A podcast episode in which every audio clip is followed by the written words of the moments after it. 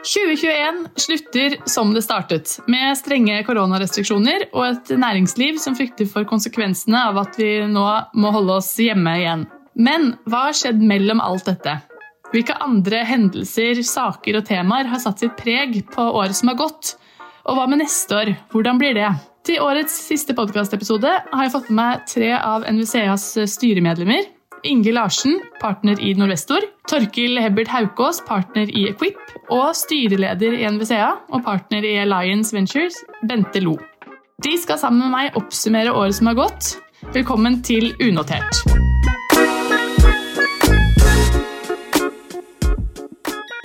Bente, Inge og Torkil, velkommen til Unotert. Hei sann. Tusen takk. Takk skal du ha. Vi kan jo begynne helt overordna. Hva er det som kjennetegner det året som har gått, eh, Bente? Ja, 2021 er jo et ekstraordinært år. Altså, det blir stående igjen som et år der alt gikk digitalt. Børsen gikk til himmels, pengene flommet over i kapitalmarkedene. EUVK kom til Norge. Eh, det ble satt opp et rekordantall nye fond, og det ble et rekordantall nye børsnoteringer. Så ser vi jo videre at gründere har blitt angels. Eh, family officene har begynt med pre-seed. Hedgefondene har begynt med seed og Series A. Og buyout-aktørene har blitt growth-investorer innen Series B og C. Så dette hadde vel kanskje ikke mange ventet seg. Eh, I tillegg så ser vi nå at større internasjonale investorer som Softbank og Prosus har begynt å interessere seg for norske startups. Eh, vi fikk våre første unicorns i Oda, Gelato og Cognite. Autostore gikk på børs til en verdi av over 100 milliarder kroner.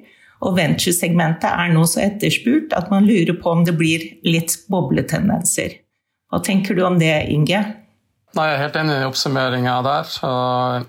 I tillegg til eh, det økte antall børsnoteringer, så har det også vært et rekordhøy investeringsaktivitet blant oppkjøpsfondene i det nordiske markedet i det første halvåret. Både i forhold til antall investeringer og investerte beløp.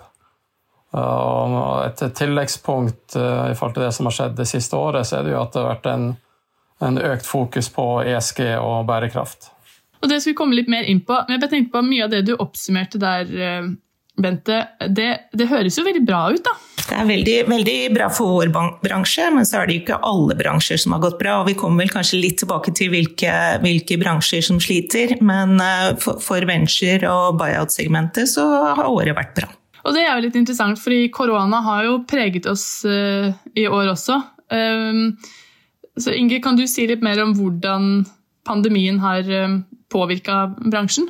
Ja, Som allerede nevnt, så har jo bransjen generelt uh, gått bra, men det er klart det er enkelte sektorer som har blitt mer påvirka av pandemien enn andre, som bl.a. reiseliv. Men generelt så har jo uh, porteføljeselskapene klart seg veldig godt i 2021 selv om pandemien har påvirka det året her også. Så det vil jo si at for enkelte selskap, så selv om de hadde en positiv utvikling det siste året, så forventa man jo økt vekst eh, etter pandemien får mindre effekt. Betyr det at vi liksom ikke lar oss eh, påvirke så mye som, en, eh, som det en, altså en global pandemi, en, en, krise sånn som det, blir vi ikke så påvirket av det? Ja, vi er definitivt påvirka av det. og men jeg vil si i forhold til sånn kostnadsjusteringer så ble veldig mye gjort eh, i første halvår 2020. Eh, I hvert fall i våre selskap. Så etter det så har det vært lite kostnadsjusteringer pga. Eh, pandemien. Det er, jo, det er, jo, gode nyheter, det. Det har også vært en del snakk om kapitaltilgang, og du var inne på det også, Bente. Um, og det har vært mye omtalt i, i media også. Hvordan opplever dere tilgangen på kapital nå, Torkil? Jeg er jo helt enig med det Bente sier. Altså, det er ikke noe tvil. Det er, det er, masse penger der ute. Kapitaltilgangen er god. Eh, gode selskaper, gode fond, de får finansiering. Vi merker det selv i Equip. Vi har stor støtte og interesse fra investorene, ikke minst fra de internasjonale, som har lyst til å få eksponering mot et solid norsk næringsliv, som har tross alt, som også Inge peker på, eh, gått veldig bra gjennom korona. Eh, samtidig så er det jo Altså, det er selektivt. Det er ikke alle selskaper som får finansiering, og det er ikke alle som vil starte fond som får kapital heller, og, og sånn skal det være. Men kapitalkangen er god, og så tror jeg bare lyst til å fremheve at det er ikke bare tilbudssida som er bra, etterspørselssida er også ekstremt sterk. Det er en enorm innovasjonskraft i norsk næringsliv. Det er masse flotte bedrifter på tvers av sektorer egentlig, som trenger kapital og kompetanse. Så det er, det er ikke bare det at det er mye kapital der ute, men det er også veldig mye flotte selskaper å investere kapitalen i. Det har det også vært skrevet litt om helt nå nylig, at det er veldig mange gode selskaper, og at det er eh, stor konkurranse om de beste eh, dealene. Hvordan er det i venture-segmentet, Bente? Kan du si litt mer om det? Om deal-flowen? Ja, Vi ser jo nå at investorene eh, konkurrerer om de beste dealene. Vi ser jo også tendensen at til at noen faktisk preempter eh. Dvs. Si at de kan gjøre en uh, Series A rett etter en seed uten at selskapene selskapet nødvendigvis har metrics til det. Vi har en salgsjobb å gjøre overfor våre porteføljeselskap og overfor potensielle selskaper vi ønsker å investere i. Men så vil jeg jo si at dealflow er bedre enn noen gang. Og når kapitaltilgangen er bra, begynner selv høyt betalte konsulenter i trygge jobber å tørre å satse. Så vi ser veldig mange flinke, kompetente mennesker som nå blir gründere. Så bra. Da var du litt inne på det jeg skulle følge opp med, altså hva som er årsaken til, eh, til at det kommer så mange nye, spennende selskaper. Nei, som jeg har sagt en gang før, uh, suksess avler suksess. Så vi tror at uh, mange av de fremgangsrike selskapene som nå har gjort stor suksess, medfører at mange følger etter og, og, og, og satser selv. Det er jo gjelder sikkert spesielt i venture-markedet. Hvordan er det i buyout-segmentet, Torkel? Hva tror du er årsaken eh, til at dere også ser flere og flere gode selskaper? Nei, altså, jeg tenker jo, Vi ligger jo litt senere i utviklingsløpet enn uh, de bedriftene som Bente ser på, men vi, vi, ser jo det samme. ikke sant? Det er mange som Suksess avler suksess.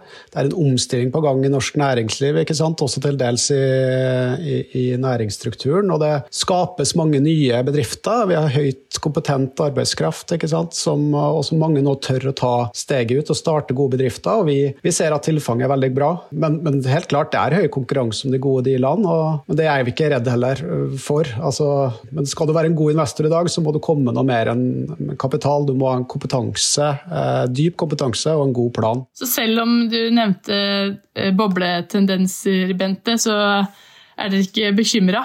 Nei, altså vi ser jo at de beste selskapene vil alltid klare seg. Um, og um, alt avhenger av uh, kompetente folk, og vi, vi leter etter de riktige gründerne. Mm. Men um, Inge, du nevnte dette med sektorer, at noen eh, sliter mer enn andre. Hvilke sektorer er det som har fått seg en oppsving gjennom koronatiden? da? Hva er det som er mest interessant nå om dagen?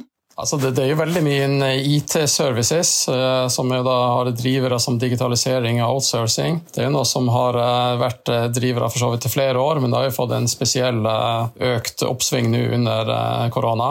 Og En annen sektor så vil jeg si selskaper som har fokus på ESG, bærekraft, har også fått en sterk vekst og interesse fra investorer i løpet av det, det siste året. Torkil, er du enig i det?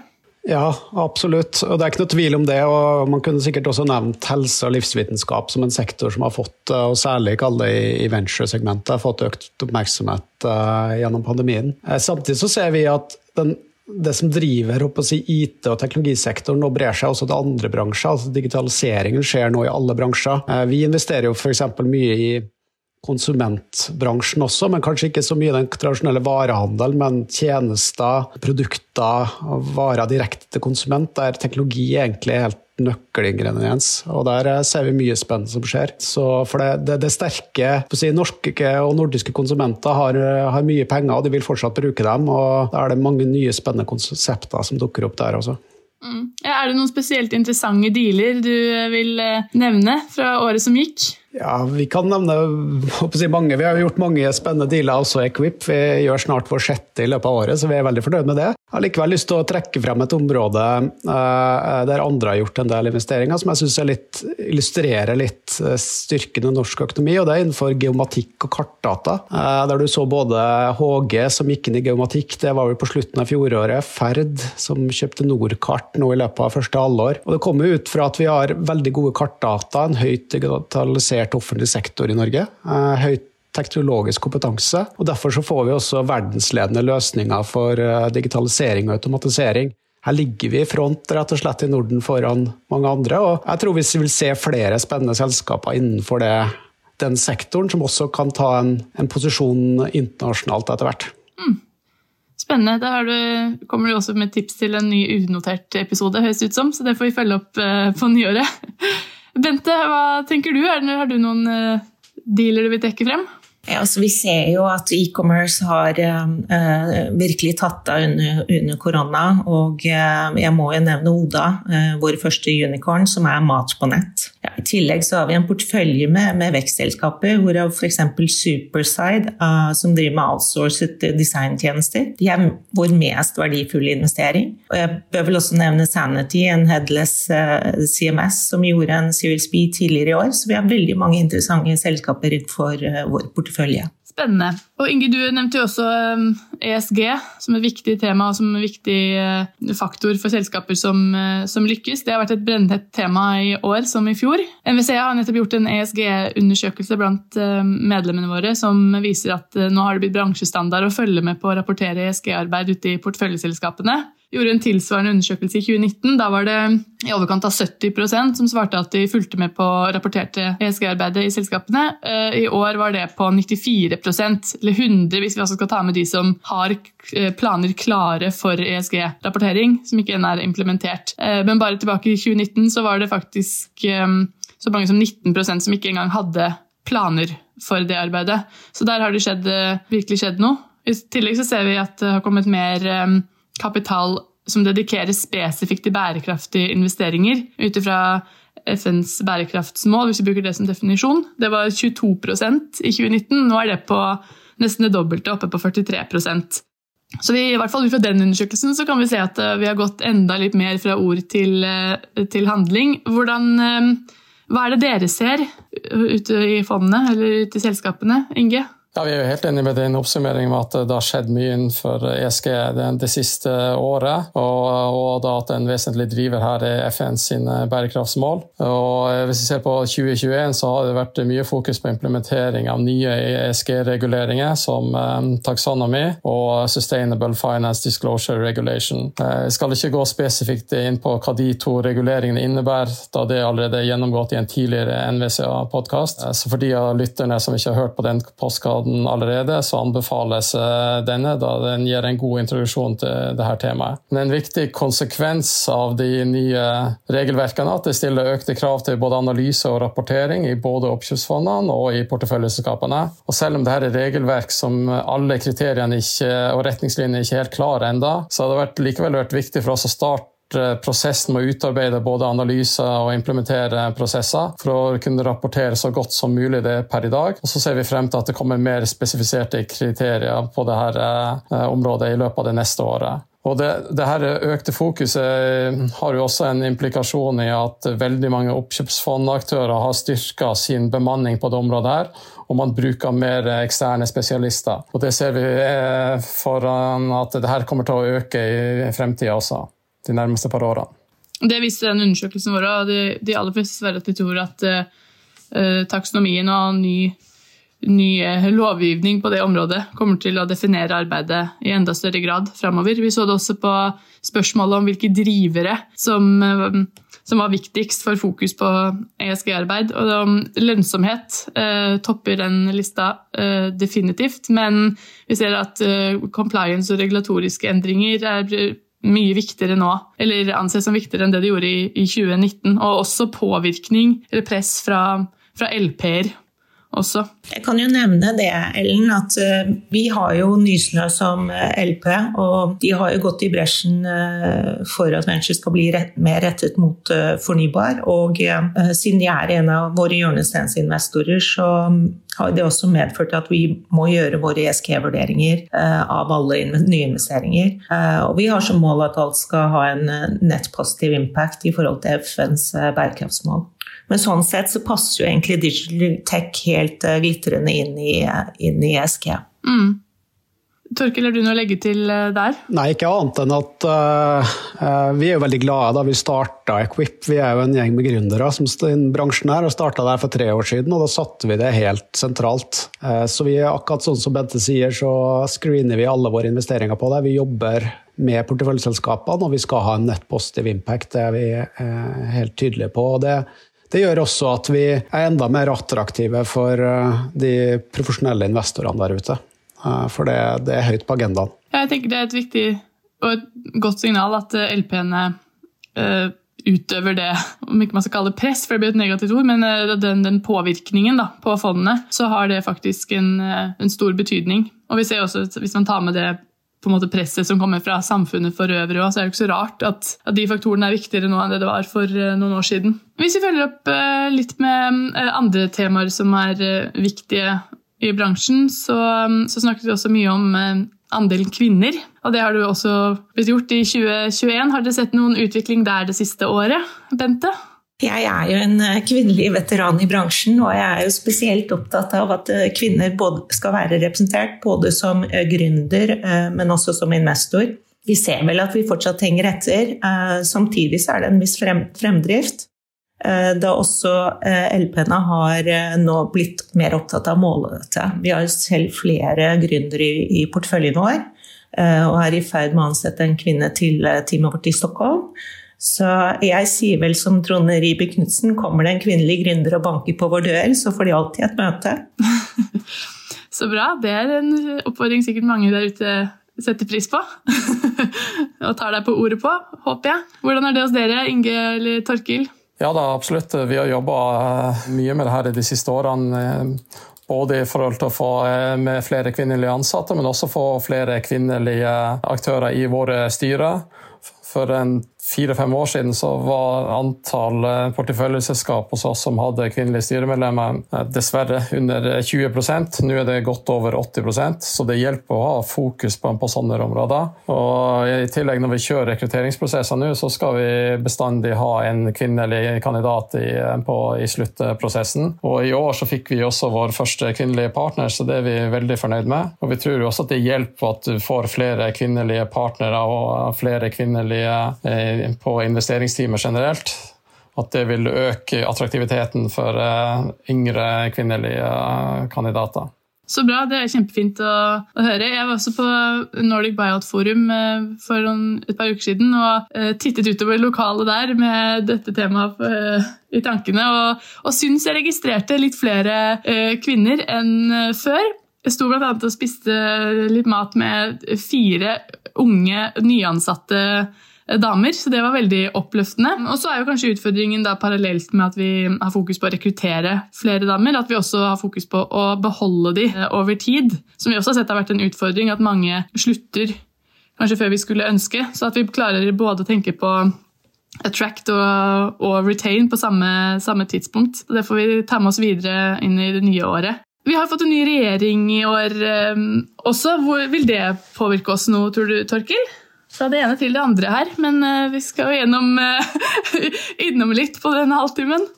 yes, det er, et, det er, et, godt spørsmål. La meg bare starte da, med å si at Eh, hvis man som investor er først og fremst opptatt av å investere et sted der det er forutsigbart, stabile rammebetingelser, så tror jeg ikke det finnes noe bedre sted enn i Norge og Norden. Det er ikke noe tvil om. Altså, det har vært, eh, vi er heldige i Norge. Vi har et stabilt regime, vi har forutsigbare rammebetingelser for å drive, drive næringsvirksomhet. Og sånn har det vært gjennom skiftende regjeringer, skiftende politiske flertall i Norge over tid. Og det, jeg tror det kommer til å fortsette. Eh, så jeg er ikke sånn sett bekymra. En sak som uh, Venturekapital og NVCA har, har, jobbet mye med, er jo uh, forslaget til ny opsjonsbeskatning. Uh, det ble jo lagt frem av den forrige regjeringa og gjennomføres nå av den nye. så Sånn sett så ser man jo den kontinuiteten. Mm. Når det er sagt, da, så det kan det jo skje endringer. Både pga. en ny regjering, men også fordi at samfunnet endrer seg. Og vi må være på og være tydelige på hvorfor vi har en rolle å spille i norsk næringsliv. og på Eh, og, og et område jeg tror vi eh, blir spennende å følge i året som kommer, er jo skattesystemet. Det er satt ned et nytt skatteutvalg som skal mm. komme med forslag til justeringer der. og der, der kan det komme endringer som også påvirker vår bransje. Ja, og eh, skatte, det skatteutvalget har en referansegruppe hvor NVCA er invitert med inn som en deltaker, så der får vi bruke muligheten til å komme med, med våre innspill. Vi nærmer oss eh, slutten, men er det andre saker dere tenker har eh, prega bransjen vår i, i, året som har gått? Bente? Nei, eh, nå nevnte jo Torkil eh, opsjonssaken, og jeg vil jo si at den har vært en eh, fin seier for NVCA.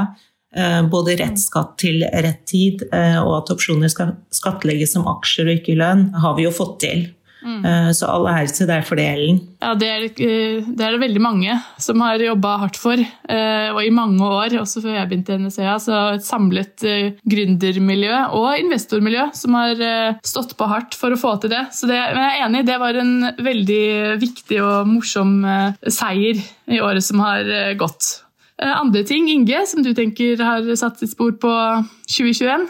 En stigende trend i 2021 er at flere oppkjøpsfondsaktører etablerer såkalte continuation fond for ett av flere av sine porteføljeselskaper.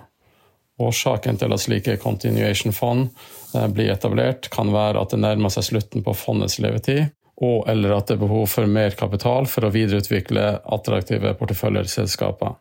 Investorer i det selvledende fondet får da muligheten til å realisere en gevinst, samt at de også får muligheten til å reinvestere i det nye fondet. Og I tillegg kan det komme inn noen nye eksterne hjørnesteinsinvestorer i en slik transaksjon. Slike transaksjoner har skjedd i tidligere år også, men vi ser at antallet har økt betydelig i løpet av 2021. Er det samme for dere, Bente? Ja, Vi ser jo nå at um, noen etablerer såkalte top-up-fond som uh, fokuserer på én eller um, to investeringer i porteføljen som går ekstra godt, og hvor man har ønske om å da være med helt til en mulig exit. Og man ser da at enten at fondet er for lite til å delta i en CUSB eller C, eller at lengden på fondet ikke er, ikke er langt nok. da. Mm. Så rett og slett at man velger ut noen investeringer som man fortsetter å følge opp selv om fondets utløpstid er nådd? Riktig. ja. Og da går man jo gjerne på eksisterende fondsinvestorer, men eh, kan også ta med noen eh, få eksterne. Ja, Da er vi jo litt inne på hva som kanskje kan bli en trend framover. Vi skal se enda litt mer enn i spåkula, da, sånn helt avslutningsvis. For 2022, hva tror dere om året som kommer? Ja, jeg tenker at 2022 eh, vil gi oss mange flere veldig verdifulle selskaper. Og mange eh, arbeidsplasser. Så tenker jeg at vi eh, vil fortsette arbeidet vårt i NVCA med LP-forum eh, og å rekruttere flere fondsinvestorer til bransjen. I tillegg så må vi jo fortsette arbeidet med å informere og opplyse politikere og samfunnet generelt om hvilke verdier som finnes i hodene på hele Norges befolkning. Det er enig i det, og en fin, uh, mm. fin spark inn i det nye året. Hva med, Er det noen andre tanker fra Torkil og Inge på, på hva dere tror vil prege 2022? Ja, eller for å si, svare litt annerledes på det. Altså, fordi jeg tror veldig mange av de trendene vi har sett i 2021 vil fortsette inn i 2022 også. Altså, bruker vi også mye tid på å tenke på hvordan er vi forberedt på det vi ikke vet om i dag. Ingen kunne forutse korona, heller ikke i, i private equity. Og, og, og for Går vi tilbake til finanskrisen, så var det få som forutså den også. Eh, men der, eh, og Jeg tror ikke nødvendigvis vi i Private Equity har noe bedre spåkule enn andre, men eh, vi har én klar fordel, og det er at vi er tett på. Vi er fleksible, og vi har kapital til å støtte selskapene våre. Det så vi jo at ga oss en fordel da korona traff oss, og jeg, tror det vil gi oss en fordel også når vi kommer til å møte nye uventa hendelser i årene som kommer. Ja, og når du er inne på det, det er jo litt sånn, da toucher man litt inn på det med vekst i selskapene og klare å drive det som vi faktisk snakket om innledningsvis, og gjennom, eh, gjennom sånn som krise som koronapandemien har vært. Og da, vi har jo også gjort noen eh, undersøkelser på sysselsettingsveksten gjennom koronaåret, riktignok 2020, men den viste jo at vi hadde en sysselsettingsvekst på 7% gjennom koronaåret, med 4700 nye arbeidsplasser, hvor halvparten av de var eh, estimert å være gjennom organisk vekst. Eh, så Det bekrefter jo litt det du sier, Torker, at vi, um, vi er ganske godt rigget for å håndtere kriser. Og, um, og, klarer å tenke innovasjon og nye muligheter når ting som korona oppstår. Så det, Jeg er enig i det, og det viser også tallene, i hvert fall fra 2020. Så det er bra. Jeg tror det får være siste ord for i dag, for tiden vår begynner å ta slutt. Vanligvis gjør jeg en sånn oppsummering av det som er sagt, men i dette tilfellet her så tenker jeg at det det blir i så fall oppsummering av oppsummeringen, og det, er, eh, det blir litt smør på flesk. Det trenger vi ikke mer av nå i den tiden vi går inn i nå. Det var veldig, det den var tørr. Nå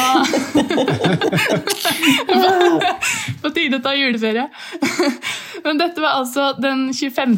og siste episoden av Unotert for i år. Unotert har vært jubileums, et jubileumsprosjekt for NVCA i forbindelse med 20-årsjubileet til foreningen. Der vi ønska å gjøre noe litt annerledes enn det vi har gjort før. Så det var egentlig et prosjekt som var ment for å være bare i år. Men så har det kommet veldig mange hyggelige tilbakemeldinger og veldig mange gode innspill på temaer og saker og gjester. Og det har vært veldig gode lyttertall. Så vi fortsetter ikke med samme frekvens neste år, men vi kommer til å lage episoder med jevne mellomrom. Ta gjerne imot tips og innspill eh, til det videre arbeidet. Og så ser man i sosiale medier og i nyhetsbrev til NVCA når det slippes nye episoder.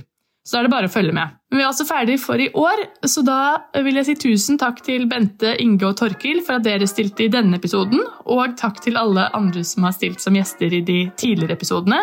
Og ikke minst takk til alle som har hørt på oss gjennom året så avslutter jeg med å ønske dere alle en riktig god jul. God jul. God jul. God jul, alle sammen.